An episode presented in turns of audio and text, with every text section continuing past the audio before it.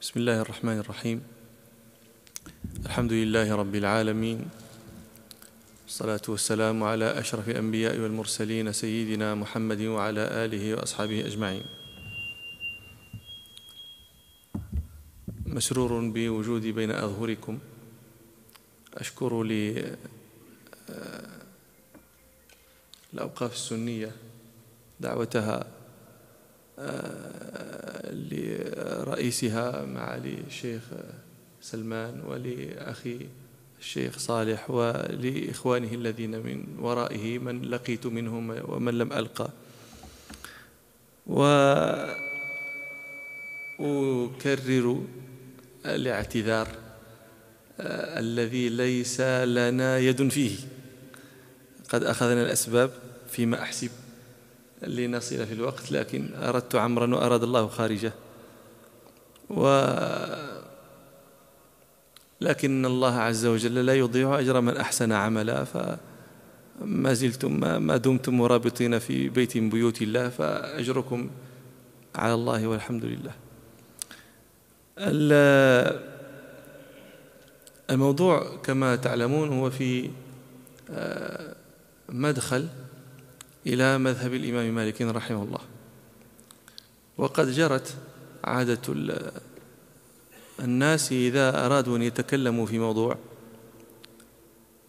قبل أن يعرجوا عليه جرت عادتهم أن يعرفوا هذا الذي جعل علما على ما يتناولونه. ولا بد إذن أن نسلك ما سلكوه. فنتصور تصورا ما ما المراد بالمدخل وما المراد بالمذهب؟ المدخل, المدخل هذا هذه الكلمة على وزن مفعل هذا ال هذا ال الميزان يسميه أهل الصرف المصدر الميمي. المصدر الميمي له قواعد أربعة. ذكرها ابن مالك رحمه الله في لاميته. عندما يقول آه، من ذي الثلاثة لا يفعل له تي بمفعل لمصدرنا وما فيه قد عمل. كذلك كذاك معتل لا من مطلقا إلى آخره. الذي يعنينا نحن من هذه القواعد الأربع والقاعدة الأولى. يقول هو كل فعل ثلاثي والمصدر الميمي لا يصاغ إلا من الثلاثي غير مكسور العين في المضارع. فلا تقول كسر ليس من باب كسر يكسر هذا مكسور العين في المضارع. وغير واوي الفاء مثل وقى ووعى وغير معتل اللام. هذا قياس مصدره الميمي أن يكون على وزن مفعل كمدخل. مدخل هذا غير مكسور العين في المضارع وليس هو واوي الفاء وليس هو معتل اللام. فتقول في مصدره المامي الواوي تقول مدخل على وزن مفعل. ما الذي يراد بمدخل؟ يراد به من جهة اللغة؟ إما المصدر تقول دخلت مدخلا أي دخلت دخولا. ويراد به اسم المكان دخلت هذا المدخل أي من هذا المكان. وقد يراد به الزمان أيضا. عندما يقول ربنا سبحانه إن تجتنبوا كبائر ما تنهون عنه نكفر عنكم سيئاتكم وندخلكم مدخلا كريما على قراءة نافع غيره يقرأ مدخلا بضم الميم وهذه لا شاهد فيها. لكن النافع عن يقرأ وندخلكم مدخلا. مدخلا هذه هي هذه مدخل تحتمل. ندخلكم دخولا كريما. أو ندخلكم موضعا كريما. أقول ربي أدخلني مدخل صدق. آه، لا يدخلنهم مدخلا يرضونه. إما يقصد به الدخول لا يدخلنهم دخولا يرضونه أو لا يدخلنهم موضعا إذا دخل فيه الداخلون رضوه. هذا المدخل يمكنكم إذا أن تحملوا عنوان مجلسنا هذا. إما على على المصدر دخول إلى مذهب مالك فنحن إذا جلسنا لندخل ندخل دخولا نتعرف به على مذهب الإمام مالك. أو تجعلونه اسم مكان جلسنا في هذا البيت الذي هو ظرف ندخل منه إلى مذهب الإمام أو تحملوا على الزمن إن شئتم. فافعلوا يعني احملوه على ما شئتم من هذه المحامل الثلاثة فذاك متسع. والمذهب هو أيضا يقال فيه كما يقال في المدخل لأنه من القاعدة نفسها. من هو ليس مكسور العين في المضارع تقول ذهب يذهب فلا تكسر عينه في المضارع لا تقول ذهب يذهب. وهو صحيح الفاء. ليس واوي الفاء ليس معتل اللام. فالمذهب أيضا يطلق على هذه المعاني. لكن الذي ينبغي أن يفهم هو أن المذهب عندما يقال هذا مذهب مالك أو مذهب أحمد فهو ما اختاره. إمام من الأئمة في المسائل الاجتهادية. لا يقال مثلا مذهب مالك وجوب الصلاة. لا يقال مثلا مذهب أحمد تحريم الخمر. لا يقال مثلا مذهب الشافعي تحريم الزنا. لا يقال مثلا مذهب أبي حنيفة تحريم الربا. هذه الأمور ليست مذهبا لأحد. هذه نص عليها النص نصا فليست مذهبا لأحد. لكن الذي يقال مذهب فلان كذا هو ما اجتهد فيه اجتهادا ما استنبطه من النصوص.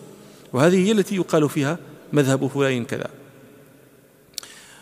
والمذهب عندما يقال مذهب مالك مذهب أحمد هو الموضع الذي ذهب إليه في اجتهاده في مسألة من المسائل. كما قال النابغة آه، في إحدى اعتذارياته آه، حلفت فلم أترك لنفسي كريبة وليس وراء الله للمرء مذهب. أي ليس له موضع يذهب إليه. الله من ورائه محيط.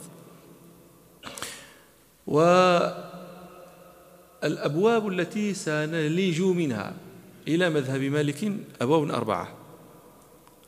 الباب الأول هو تعرف على صاحب هذا المذهب. والباب الثاني هو تعرف على مدارس هذا المذهب. والباب الثالث هو تعرف على أمهات كتب هذا المذهب. والباب الرابع هو التعرف على أصول هذا المذهب. وبهذه الأبواب الأربعة نكون إن شاء الله ولجنا يعني دخلنا تركنا الباب خلف ظهرنا. ما دخلنا دخولا نحسب أننا أوغلنا في المذهب لكن يعني نتعرف عليه تعرفا. والباب الأول هو نتحدث فيه عن صاحب هذا المذهب وهو الإمام مالك بن أنس بن مالك بن أبي عامر بن عمرو بن الحارث بن بن غيمان بن خثيل بن عمرو بن الحارث. الحارث هذا هو ذو أصبح وهذا ذو أصبح هذا اختلف في نسبه المؤرخون اختلافا كبيرا. ومالك أصبحي حميري عربي مدني. ولد في المدينة سنة ثلاث وتسعين وقيل غير هذا. ونشأ بها وأخذ عن علمائها وكان له أخ يقال له النضر. كان أخوه هذا مشتغلا بطلب الحديث حتى اشتهر. فلما جاء مالك يدرس الحديث كان إذا قيل من إذا إذا إذا أريد تعريفه قيل مالك. فيقال من مالك؟ يقال مالك أخو النضر. بعد ذلك صار يقال النضر أخو, أخو مالك. أبوه كان من رواة الحديث لكن كان مقلا. مالك بن أنس أنس هذا كان مقلا من الحديث. وعمه كان من المكثرين. عمه أبو سهيل بن مالك ومالك يروي عنه في الموطأ. وهو من المكثرين وهو من شيوخ الزهري. وجده مالك بن أبي عامر. هذا أحد كبار التابعين من أهل المدينة. روى عن عمر بن الخطاب وعن عثمان بن عفان وعن عائشة وعن طلحة بن عبيد الله رضي الله عنهم جميعا. وكان أحد أربعة دخلوا ليلا فحملوا جثة عثمان رضي الله عنه بعد قتله فدفنوها ليلا غبوا قبره عن أعين طالبيه. ومالك هو المراد في الحديث الذي يرويه أحمد. والترمذي والحاكم عن أبي هريرة رضي الله عنه أن رسول الله صلى الله عليه وسلم قال يوشك الناس أن يضربوا أكباد الإبل فلا يجدون عالما أعلم من عالم المدينة. هذا حديث اختلف فيه المحدثون. صححه الترمذي رواه الترمذي قال حسن صحيح. صححه الحاكم وفقه الذهبي وصححه غيرهم وضعفه آخرون أيضا. والخلاف في ثبوته والخلاف في تعيين المراد بعالم المدينة. قال بعض العلماء المراد بعالم الأهل بعالم المدينة لا يجدون عالما أعلم من عالم المدينة. ليس المراد به الشخص ولكن المراد به الجنس. جنس عالم المدينة خير من جنس العالم من غيرها في كل زمن. وقالت طائفة لا بل المراد رجل بعينه فرد بعينه. فلما قالوا هذا تطلبوا البحث من هو؟ المدينة فيها علماء. كثر. من الذي يرمي إليه حديث النبي صلى الله عليه وسلم؟ قالوا لننظر فاستعرضوا الزمن. أما في عهد الصحابة فكان العلماء فيها كثير. ثم إنه لا يمكن أن يراد بحديث النبي صلى الله عليه وسلم هذا رجلا من الصحابة. لماذا؟ لأن الصحابي لا يلقب بالعالم لأن تلقيبه بالصحابي أشرف له من التلقيب له بالعالم فالمراد غيره قطعا. إذا بدأوا البحث في الطبقة التي بعدهم طبقة التابعين. فكان من في المدينة في زمن التابعين طوائف من العلماء. كان سعيد بن الفقهاء السبعة سعيد بن المسيب وعبيد الله بن عبد الله بن عتبة بن مسعود وسليمان بن يسار وعروة بن الزبير وأبو بكر بن الحارث بن عبد الرحمن بن الحارث بن هشام وسليمان وخارجة بن زيد بن ثابت وسالم بن عبد الله ونافع مولى بن عمر. وأضرابهم. ولم ينقل أن واحدا منهم ضربت إليه آباط الإبل. فإذا ما استطعنا التعيين في هذه الطبقة. جاءت الطبقة التي تلي هؤلاء. كان فيها أيضا طائفة. كان فيها زيد بن أسلم. وصفوان بن سليم وأبو الزناد عبد الله بن ذكوان وربيعة الرأي ربيعة بن أبي عبد الرحمن وأضرابهم ولم ينقل في هذه الطبقة ومكثوا إلى أن تفانوا ولم ينقل أن الإبل كانت تضرب آباطها لواحد من هؤلاء. ما استطعنا التعيين. ثم جاءت طبقة مالك. فلم يكن المالك مالك المتفرد بالعلم في المدينة. كان فيها في زمن مالك. آه، ابن أبي ذئب كان فيها ابن الماجشون كان فيها الدراوردي كان فيها طائف. لكن لم يكن الرحلة لم تكن تعقد إلا لمالك. وما كان يأتيه الناس من الأقطار إلا إليه. بل كان يأتيه من يطلب الحديث ومن لا يطلبه. لماذا؟ يتجمل بالرواية عنه يتزين أن يقول رويت عن مالك ولذلك كان كانوا يقولون كان من الزينة أن يقال رويت عن مالك. فكانت تضرب إليه الرحلة من الأقطار البعيدة جدا وأنتم تعلمون أن أبعد قطر في ذلك الزمن الأندلس. وكان الأندلسيون لا يعرجون على العراق مع أنه أدنى إليهم من المدينة ولكن القصد آه، كان قصدهم المدينة. فجاءت الطبقة التي بعد مالك لم ينفرد فيها أيضا واحد من أهل المدينة لم ينفرد بالرحلة. فحمل الشراح الحديث يعني الذين حكموا بصحته حكموا بأن المراد هو مالك رحمه الله. مالك على عادة أهل المدينة في زمانه حفظ كتاب الله. ثم أراد أن يطلب العلم وهذا فيه إشارة إلى أنه لا يطلب العلم إلا بعد أن يحفظ كتاب الله. هذه كانت سنة الناس يومئذ وهذه كانت سنة كل مفلح في العلم إلى زمن الناس هذا.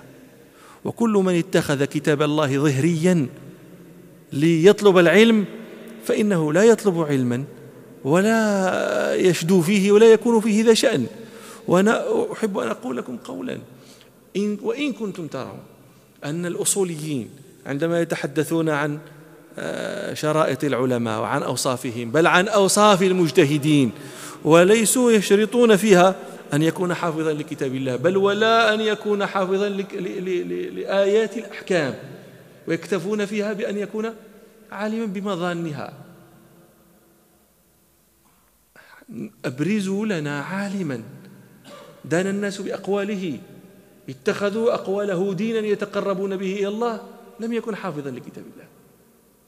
فما يذكر في الكتب شيء وما يكون في واقع الناس شيء آخر. حفظت كتاب الله. يعني هو ما ما طلب علما حفظ كتاب الله. لما حفظ كتاب الله أراد أن يطلب العلم. فقال لأمه المرأة الصالحة رحمها الله أريد أن أطلب العلم أريد أن أذهب فأكتب العلم. قالت تعال إلبس ثياب العلم ثم اذهب. فاكتب العلم قال فألبستني ثيابا مشمرة وجعلت على رأسي الطويلة وعممتني فوقها ثم قالت الآن اذهب فاكتب العلم. وقالت له كلمتها المشهورة اذهب إلى ربيعة فخذ من أدبه قبل أن تأخذ من علمه. ومالك لم يترك له أبوه شيئا. تعلمون أنه لهذا الشأن لا بد له من مال. ومالك لم يترك له أبوه شيئا. هناك قصة تذكر قصة جميلة هي. يذكرون أن أبا مالك هذا أنس بن, بن أبي مالك أنس بن مالك بن أبي عامر قيد نفسه في في بعث الغزو وترك مالكا في بطن أمه ومكث غائبا أكثر من عشرين سنة.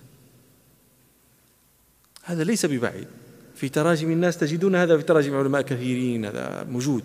أن يخرج الرجل فيغيب فيأتي وابنه قد بدأ الشيب, الشيب يخط لحيته ولم يره قط. لكن القضية أنه ترك عند زوجته مالا.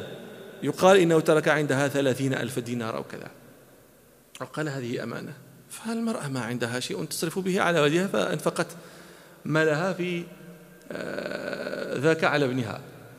رجع أبوه بعد أكثر من عشرين سنة. مالك لم يرى قط أباه في الوقت الذي جاء الوالد مالك في المسجد في المسجد في في الدرس في حلقته فذكروا أنه آه، سألها وهذه أنا أستغربها من أهل المدينة لما دخل سأل زوجته عن الأمانة. فقالت موجودة ما ضاعت. فأمرته أن يتهيأ وأن يذهب إلى المسجد. فذهب. فإذا ملك يعقد حلقته وإذا فيها كبراء أهل المدينة وشيوخهم وأشرافهم فأعجبه ما رأى في تلك الحلقة. فلما رجع قالت ما رأيت؟ قال رأيت شابا قد اجتمع عليه الكبار والشيب وإلى آخره. وهي ما تحدثه أن ذاك ابنه. فلما دخل وعرفته قالت قالت هذا هذا مالك السوري فعل هذا. قصة طويلة فيها فيها أمور أن مالكا لما دخل وجد رجلا لا يعرفه دخل على أمه وذاك رأى رجلا دخل على أهله فتشاجرا حتى دخل ربيعة الرأي وكذا وفرقوا بينهما إلى آخره. هي قصة جميلة جدا لكن يشبه أن تكون موضوعة. الغالب أنها لا تصح كسائر القصص الجميل يغلب عليه أنه مختلق مصنوع. يقول ابن القاسم صاحب مالك الذي جالسه أكثر من عشرين عاما قال أفضى بمالك طلب العلم إلى أن نقض سقف بيته فباع خشبه. ثم انثالت عليه الدنيا بعد. وكان آه، يحتال لطلب العلم. وطالب العلم يجب أن يكون فيه شيء من الاحتيال.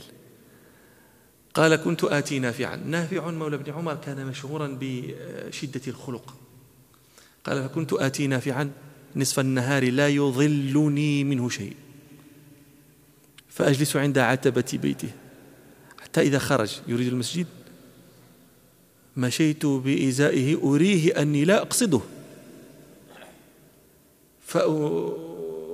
فأماشيه ساعة حتى إذا دنا من البلاط موضع قريب من مسجد النبي صلى الله عليه وسلم قال أسأله ماذا قال ابن عمر في كذا؟ فيجيبني فأنصرف. يعني كم من الوقت يحتاج مالك أن يسأل نافعا هو يسأله في كل يوم سؤالا. قال وكنت كان يأتي آه، ابن هرمز بكرة فما ينصرف منه إلا بالليل وكان أحيانا يعطي آه، أمة لابن هرمز يعطيها شيئا. هو يدخل على الشيخ ويعطيها ويقول لها إذا جاء رجل إنسان من الطلبة فقولي لهم الشيخ مشغول واصرفيهم لينفرد هو بالشيخ وكان يحرص على ملازمة الزهري. الزهري هذا ديوان من دوام العلم. أنتم تعرفون أن الحديث الغريب الحديث الذي ينفرد به راو في طبقة من الطبقات هذا الغالب عليه الضعف. ولذلك لما قيل لمالك مرة إن فلان يحفظ كذا وكذا من الغريب قال هو من الغريب نفر ما نريده هذا الغريب؟ الغالب على الغريب أنه ضعيف. أقل الغريب يكون صحيحا. الزهري كان يحفظ تسعين غريبا كلها صحيح. إذا كان هذا حفظ الزهري من الغريب فما الذي يحفظه مما يعرفه الناس يحفظونه ولذلك قال آه، العراقي في هذا وفي في ألفيته و, و, و آه، وقال مسلم روى الزهري تسعين فردا كلها قوي. فلذلك كان مالك يحرص حرصا شديدا على الأخذ من الزهري. قال كان في يوم عيد قال مالك في نفسه اليوم أجد الزهرية خاليا الناس تعيد في بيوتها. فانصرف من صلاة العيد إلى إلى دار الزهري. الزهري قال لأمة له انظري هل أحد بأصحابنا من أصحابنا بالباب؟ فنظرت وجدت مالكا قالت غلامك الأشقر. تحسبه من كثرة تردده على الزهري غلاما له. قالت غلامك الأشقر. قال أدخليه. فلما دخل قال له الزهري ما أراك انقلبت إلى بيتك؟ قال لا قال وما أحسبك طعمت؟ قال ما طعمت. قال فطعم. قدم له طعام. قال طعم. قال لا حاجة لي فيه. قال ما تريد؟ قال أريد أن تحدثني. قال اكتب. فأخرج ألواحه فحدثه الزهري بأربعين حديثا. ثم انتهى من التحديث. فقال له مالك زدني. فقال له الزهري اذهب. إن رويت. يعني كشيك هذه أربعون حديثا بأسانيد إن, إن كنت حفظت إن كنت رويت يقصد برويت حفظت إن كنت رويت هذه الأحاديث فأنت حافظ. قال مالك قد رويتها. قال الزهري فأخذ قال مالك فأخذ الألواح. رويتها؟ يلا هات الألواح. اعرضها. قال فحدثه عرض عليه الأربعين حديثا كلها. فقال الزهري لمالك حينئذ قم فأنت وعاء من أوعية العلم. وفي رواية أنه قال قم فلا نعم مستودع العلم أنت. وأنتم تعلمون أن المحدثين اختلفوا في قضية وقال العراقي الأولى لا يخاض فيها أصح الأسانيد. والمعتمد يقول العراقي والمعتمد إمساكنا عن حكمنا على سند بأنه أصح مطلقا. هذا المختار أن, أن, أن يمسك عن, عن القول بأن الإسناد الفلاني هو أصح الأسانيد مطلقا. وإن كان ولا بد فيقال مثلا أصح أسانيد المدنيين كذا فيقيد بالبلد. أو يقيد بالصحابي فيقال أصح الأسانيد عن أبي هريرة كذا. أو يقيد آه، بنحو هذا من التقييد أما أن يترك, يترك الأمر على إطلاقه أصح الأسانيد مطلقا فهذا الأولى أن يمسك عن مثله. لكن قال العراقي وقد خاض به قوم. خاض قوم في تعيين أصح الأسانيد.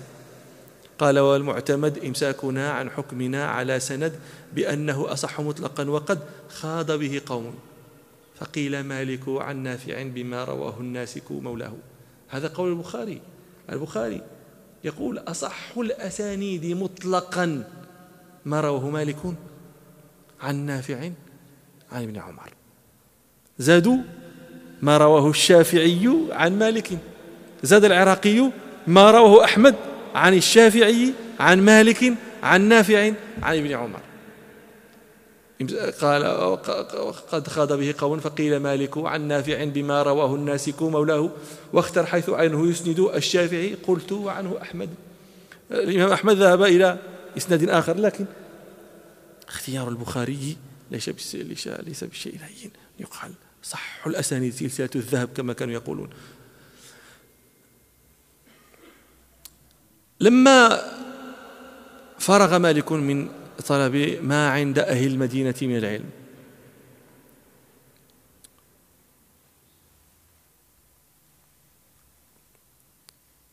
وتأهل للتعليم. هو يرى في نفسه أهلية ذلك. لكنه لا يقنع رأي نفسه في نفسه. ويحتاج أن يركن إلى رأي غيره فيه. وهم شيوخه وهم أهل الفضل والصلاح في المدينة. ولذلك قال ليس كل من أحب أن يجلس في المسجد للحديث والفتيا جلس. أنت تحب أن تجلس لكنك لا ينبغي أن تجلس وإن كنت تهوى ذلك. قال مالك رحمه الله ليس كل من أحب أن يجلس في المسجد للحديث والفتيا جلس حتى يستشير أهل العلم والفضل. فإن أشاروا عليه بالجلوس جلس. وما جلست حتى شهد لي سبعون من أهل الفضل. أني أهل لذلك وهؤلاء السبعون وإن شهدوا فقد كان مالك رحمه الله يستعظم المسائل جدا. سأله مرة إنسان وقال له يا أبا عبد الله إنها مسألة خفيفة. فقال مالك رحمه الله خفيفة خفيفة ليس في العلم شيء خفيف. أما سمعت قول الله إنا سنلقي عليك قولا ثقيلا. وكان إذا سئل تريث ونظر فقال له مرة أصحابه تكلموا معه في هذا فقال فبكى رحمه الله. وقال إني أخاف أن يكون لي من المسائل يوم وأي يوم. وأتاه آت القصة مشهورة من العراق. سأله عن أربعين مسألة فأجابه في ثماني ثمانية مسائل وفي اثنتين وثلاثين مسألة يقول لا أدري. وجاءه مرة إنسان من الأندلس فسأله مسألة فما درى ما يجيب فيها؟ فقال إن من ورائي أمروني أن أتيك. فماذا أقول لهم؟ قال ارجع. ارجع إلي من غد. وكان الرجل سيعود إلى بلده. فرجع وقد حزم أمتعته. وأرى مالكا أنه راجع ليقدح فكره ويعطيه حكما. فقال مالك لا يدري نظر لا يدري. فقال ما هذا السائل فأقول للناس ماذا؟ قال قل لهم إن مالكا لا يدري. قال فإن كنت لا تدري فمن يدري. قال من علمه الله. وهذا كان يعطيه رحمه الله هيبة عظيمة. كان يهابه طلبته الشيوخ. أنتم تعلمون هل تعلمون أو لا تعلمون أن شيوخ أن تلاميذ مالك هم شيوخ للبخاري ومسلم؟ فإذا عرفتم أنهم من شيوخ البخاري ومسلم تعلمون عظمة هؤلاء الطلبة وكبر قدرهم ومع ذلك كانوا ينكسون أبصارهم ويخفضون أصواتهم في مجلس مالك. للهيبة العظيمة التي كان أوتيها. قالوا يذكرون أن كان مرة في مجلس أبي جعفر المنصور. الخليفة وليس فوقه في الدنيا إلا الله. مالك جالس في مجلس الخليفة وشاب صغير طفل يدخل فإذا أراد يدخل خرج. فيعيد الدخول ثم يخرج. قال أبو جعفر المنصور لمالك تدري من هذا؟ قال لا يا أمير المؤمنين. قال هذا ابني. هاب من شيبتك. يريد أن يدخل المجلس ثم يهاب فيخرج. وكان له مع ذلك عناية بمظهره. يلبس الثياب الحسنة الفاخرة يتأنق في أكله ويختار منه الجيد ويحب الموز لعلة. يقول ليس شيء أشبه بفاكهة الجنة منه. تطلبه في الصيف تجده تطلبه في الشتاء تجده. والله يقول عن فاكهة الجنة أكلها دائم. وظلها وهذا يشبهها فكان يحبه لهذا. و يعني أصابته تلك المحنة المشهورة. ضرب بالسياط ضربه أمير المدينة. اختلف المؤرخون في آه، هذه المحنة. حتى قال ابن مهدي رحمه الله اختلفوا في سبب ضربه واختلفوا في آه، من ضربه في من ولي ضربه واختلفوا في خلافة من ضرب. الذي يعنينا نحن هو سبب الضرب. قيل إنه ضرب لأنه كان يقدم عثمان على علي رضي الله عنهما. فوشى به العلويون فضرب. هذا ذكر. وقيل إنما ضرب لأنه كان آه، يحرم نكاح المتعة. وقيل ضرب وهذا هو الأظهر. لأنه كان يفتي بأن الطلاق المكره لا يقع. الذي أرغم على ألجئ إلى تطليق زوجته فإن طلاقه لا يقع. هذا هو المشهور من مذهبه يعرفه أصحابه الآن. لكن ما علاقة هذا بضربه؟ والغالب أن الأمراء لا تضرب إلا لأمر سياسي ولا تضرب لأمر فقهي محض. وهذا كان له تعلق بأمر سياسي. كان الذين خرجوا مع النفس الزكية رحمه الله. كانوا خرجوا على العباسيين. أشاعوا في الناس أن العهد أن البيعة لأبي جعفر المنصور أخذت كرها. كانوا إذا أرادوا إنسانا على البيعة وأرادوا إكراهه على ذلك حلفوه بأيمان الطلاق. يعني إن نقض البيعة فكل امرأة له طالقة وكل عبد له حر إلى آخره. فيرى نفسه مقيدا وإن كان يريد أن يخرج على الخليفة لكن يرى نفسه مقيدا بهذا فأتوا مالكا يستفتونه ما حكم هذا الطلاق؟ أنا حلفت بأيمان الطلاق أنه إن خرجت على هذا وتبعت النفس الزكية فزوجتي طالق مالك افتى بأنه ليس على مستكره طلاق يا الفقيه الله يهديك هذه فتوى لا تقف عند باب المسجد. هذه فتوى يأخذها هذا منك يخرج بها غدا على الخليفة ويشيع المشاكل. مالك هو يسأل عن المسألة عن الحديث عن كذا يفتي فيها. فبعث إليه أمير المدينة. يا أبا عبد الله فتوك هذه يحدث بها كذا وكذا وكذا. فانظر لنفسك ماذا ترى. ثم سرب إليه إلى مجلسه من يسأله عنها ليرى أمتثل مالك أم لم يمتثل. فلما سئل قال مالك ليس على مستكره طلاق على رؤوس الناس. فأمروا به أمر به أمره هذا أمير المدينة أمر فأخذ مالك رحمه الله وضرب بالسياط. ومد يعني شدت آه، يداه بالحبال ومد حتى خلعت كتفه فما ما كان بعد يستطيع أن يجعل رداءه على كتفه. وضرب بالسياط حتى كان ظهره مشرحا بأثر الضرب فيها. وطيف به في المدينة على برذون أو على حمار أكرمكم الله. ولما طيف به كان قيل له عرف بنفسك.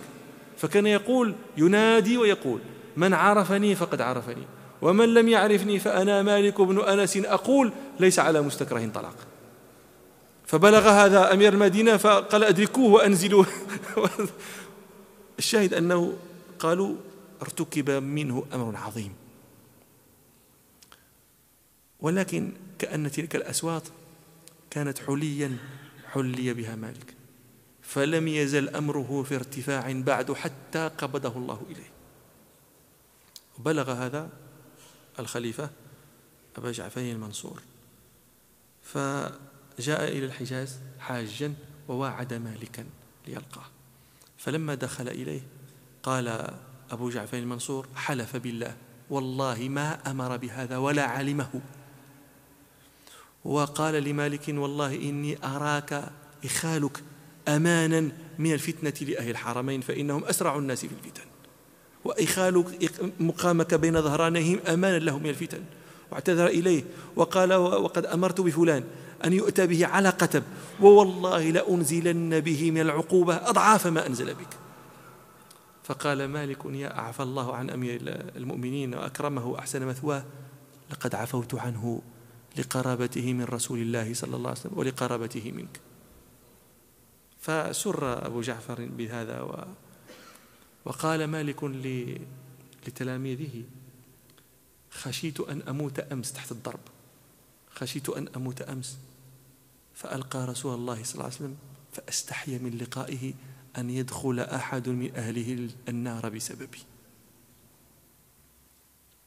عاش بعد ذلك مكرما محفوفا بالعناية والمهابة إلى أن مات رحمه الله بالمدينة سنة تسع وسبعين ومائة أنا قلت لكم كان مهيبا جدا.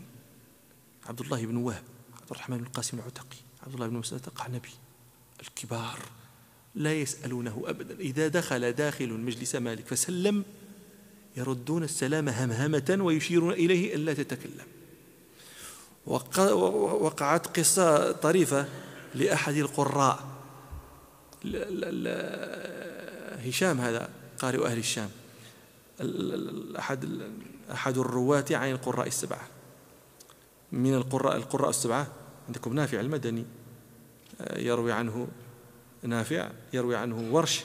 الذي هو اختيار المغاربة وقالون الذي يقرأ به الناس في في ليبيا وفي السودان وابن كثير المكي وهذا ويروي قراءته البزي وقنبل وهذا لا يقرأ لا. لأن العالم الإسلامي إما يقرؤون بورش وهم من ذكرت لكم أو يقالون وهم من ذكرت لكم وباقيهم يقرؤون بحفص تدرون لماذا انتشر حفص بسبب العثمانيين. كل الرقعة التي حكمها العثمانيون اختاروا رواية حفص فقرأ الناس فيها بحفص. وإلا فالمفروض أن المكيين يقرؤون برواية ابن كثير لأنه مكي ونافع. المدنيون يقرؤون والشاميون يقرؤون برواية عبد الله الشامي والعراقيون يقرؤون بحمزة وبالكسائي وبعاصم. لكن انتشر هذا لما ذكرت لكم. ابن عامر الشامي هذا له راويان ابن ذكوان وهشام. هشام أراد أن يذهب ليسمع الموطأ من مالك.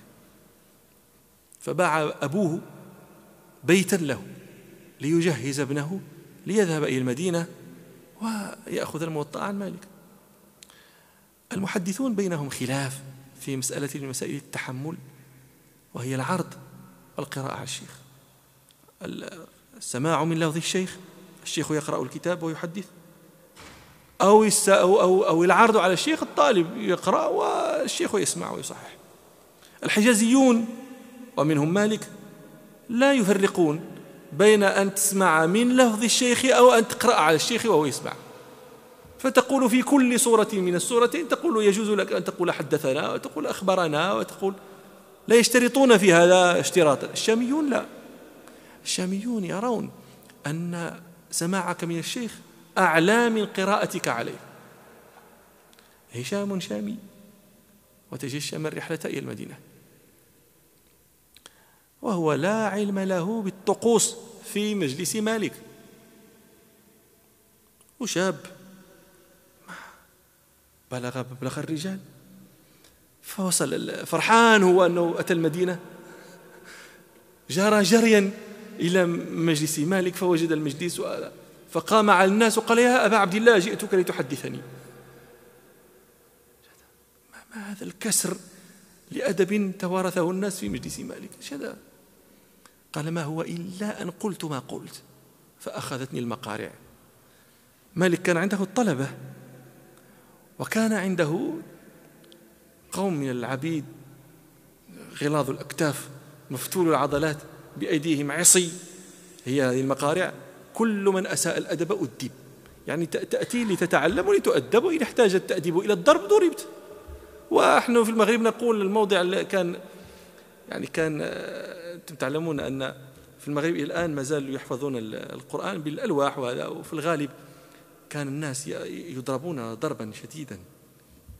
أعرف ناسا فرت من الكتاتيب للضرب. يعني القصص هذه قصص عجيبة جدا. تسمعون أن ولكن هذه قضية ابن خلدون يقول أقوم الناس على حفظ كتاب الله المغاربة. وقال صديق حسن خان يعني يقولها غير المغاربة حتى لا نتهم بأننا ننسب الفضاء إلى أنا مغربي وهذا يحد لا أنا أقول لكم رجل هندي هذا صديق حسن خان وابن خلدون تونسي ولكن يقولون المغاربة من أي الضرب هذا. الجدران تحفظ ما البشر. ف أخذته المقارع لكن هشام هذا رجل من أهل الله من حملة كتاب الله. والله عز وجل له اعتناء خاص بحملة كتابه. لما ضرب ذاك الضرب قال هشام يا أبا عبد الله إن أبي باع بيتا له وجهزني إليك وقال اذهب إلى مالك لتأخذ منه فلما جئتك لقيتني بمثل هذا. والله لا أسامحك أبدا. فتأثر مالك جدا بهذه الكلمة. وقال يعني بأي شيء أستحل؟ فقال هشام ضربتني أربع عشرة مقرعة. فحدثني بأربعة عشر حديثا. فحدثه مالك. مالك لم يحدث هارون الرشيد. جاء هارون الرشيد ليسمع الموطأ وقال له اقرأ علي قال يا أمير المؤمنين ما قرأت على أحد منذ كذا وكذا ما أقرأ أنا إما أن تقرأ أنت أو تأتي أنت بمن يقرأ لك أما أن أقرأ أنا لا أقرأ لا لك ولا لغيرك. ويحدث هشام بأربعة عشر حديثا. فلما حدثه قال هشام لمالك زد في الضرب وزد في التحديث. قال انصرف.